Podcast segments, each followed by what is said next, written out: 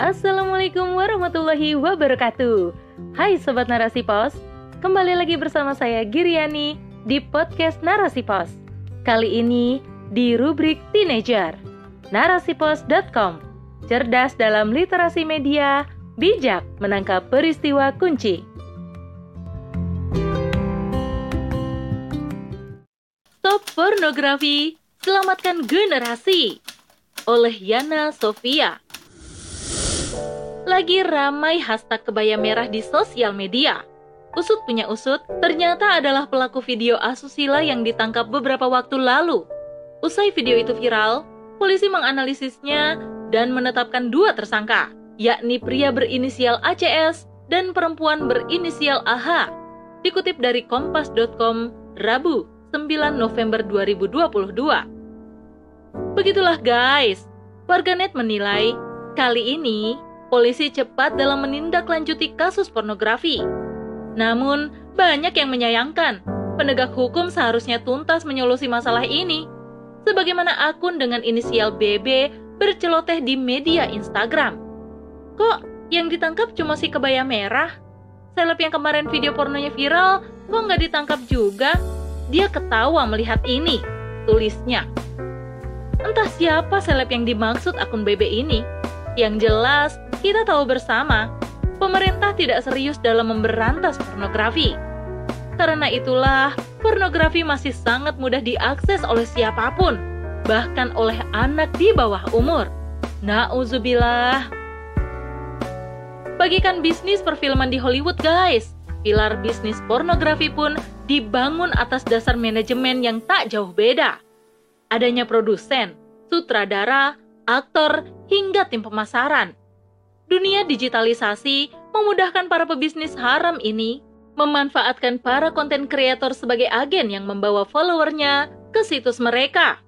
Dilansir dari Evening Standard, 6 Mei 2022, konten kreator biasanya menyediakan link.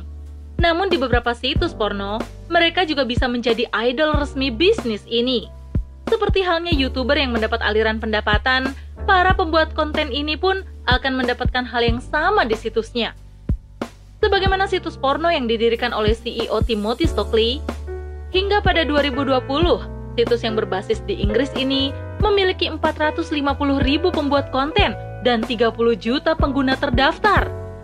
Pihak perusahaan mengungkapkan kreator dengan 10 ribu follower bisa mendapatkan antara 499 hingga 2.495 dolar Amerika Serikat per bulan.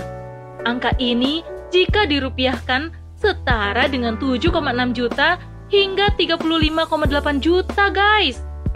Wah wah wah, kapitalisme memang tidak kenal ampun ya guys dalam melancarkan bisnis syahwat ini.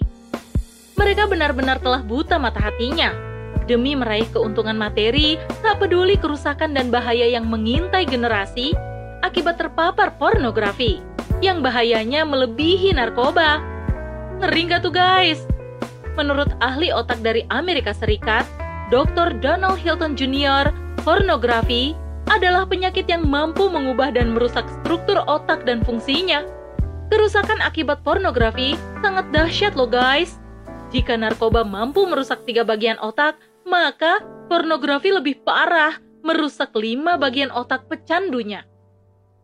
Dilansir dari laman kemendikbud.go.id, 7 Maret 2022, Ketika melihat pornografi, tubuh akan mengeluarkan hormon yang bernama dopamin.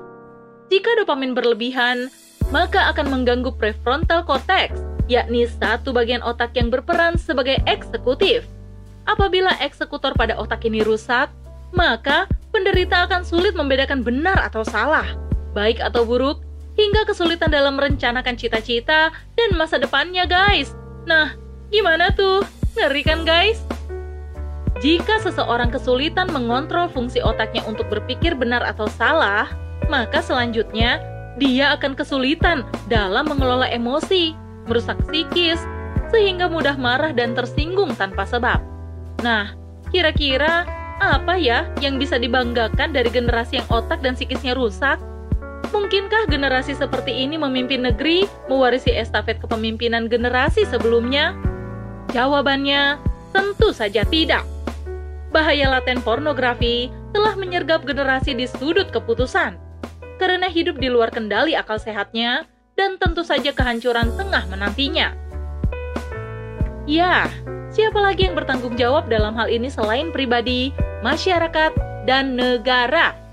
Pribadi berperan dalam membentengi diri sebagai pemimpin dalam memberi keputusan benar atau salah, kehancuran, atau kebangkitan. Di mana di setiap pilihan ada risiko dan pertanggungjawabannya, guys. Kemudian masyarakat yang berperan aktif dalam mengontrol individu, menjaga, dan membentengi umat dari pornografi, lalu bergerak bersama-sama untuk memusuhi pornografi dan memberantasnya dari kehidupan masyarakat tanpa terkecuali. Ketiga, negara yang tentu saja sangat berperan penting di sini. Negaralah yang bertanggung jawab penuh dalam membentengi individu dan masyarakatnya terhindar dari pornografi secara menyeluruh dengan menutup segala akses pornografi dan memberlakukan sanksi tegas bagi siapa pun pelanggarnya. Negaralah yang seharusnya menanamkan dasar kepribadian dan nilai-nilai luhur generasi, baik melalui kurikulum pendidikan di sekolah, mengatur sistem pergaulan sesuai syariat, menyediakan lapangan kerja bagi laki-laki yang siap mengemban tugasnya, dan membantu mereka mencari pasangannya. Dengan cara ini, guys, generasi akan sibuk dalam aktivitas positif, sehingga terhindar dari pornografi yang sia-sia dan merusaknya. Menjadi pribadi sehat jiwa dan raganya. Sayangnya guys, segala upaya pencegahan tersebut tidak akan lahir dari sistem sekulerisme yang menjauhkan agama dari kehidupan. Makanya di guys, kita butuh sistem pemerintahan Islam sebagai satu-satunya institusi yang menerapkan Islam secara kafah. Sistem pendidikan Islam akan membentuk generasi yang memiliki pola pikir dan sikap yang islami, yakni generasi yang standar hidupnya halal dan haram, bukan asal senang melihat konten porno yang diharamkan Allah Subhanahu wa taala. Tidak hanya itu, guys. Jika Islam tegak, tentunya tidak akan membiarkan tayangan-tayangan yang mengandung pornografi dan porno aksi terselip dalam tontonan di media-media, TV digital, ataupun aplikasi nonton di Google Store. Bahkan, institusi Islam akan menyaring game dan iklan-iklan yang mengandung pornografi tanpa sisa. Karena media dalam Islam bertujuan untuk mengedukasi umat dan menguatkan ketakwaan, bukan hanya demi keuntungan sebagaimana media hari ini. Wah, takjub kan guys? Luar biasa loh penjagaan Islam terhadap generasi. Jika khilafah yakni sistem bernegara Islam ini ada bersama kita, tentunya generasi akan terjaga dari pornografi dan terlindungi harkat dan martabatnya. Untuk selanjutnya, terhindar dari kehancuran yang tengah mengintai kita. Semoga ya guys, khilafah yang kedua yang pernah Nabi janjikan segera tegak kembali, sebagaimana sabda Rasulullah Shallallahu Alaihi Wasallam yang direwayatkan Ahmad setelah itu akan terulang kembali periode khilafah alamin hajj nubuah. Kemudian Nabi Muhammad Shallallahu Alaihi Wasallam diam. Khotimah, jelas sudah ya guys, merajalelanya pornografi hari ini tidak lain karena negara mengadopsi sekulerisme dalam kehidupan. Sistem ini merupakan senjata kaum kafir untuk melemahkan umat Islam. Melalui sistem inilah, segala ide-ide penjajahan digencarkan ke tengah umat untuk merusak tatanan kehidupan, seperti kapitalisme, liberalisme, termasuk pornografi yang bertujuan menghancurkan generasi. Karena itulah guys, Allah mengingatkan kita agar tidak mempercayakan urusan umat kepada kaum kafir, baik sebagai pemimpin ataupun mengadopsi ide-ide buatan mereka. Karena apa pun yang datang dan bertentangan dengan wahyu Allah, pasti akan mendatangkan petaka persis sebagaimana yang kita rasakan hari ini. Allah berfirman di surah Al-Maidah ayat 50. Apakah hukum jahiliyah yang mereka kehendaki dan hukum siapakah yang lebih baik daripada hukum Allah bagi orang-orang yang yakin? Wallahu a'lam bishawab. Wassalamualaikum warahmatullahi wabarakatuh.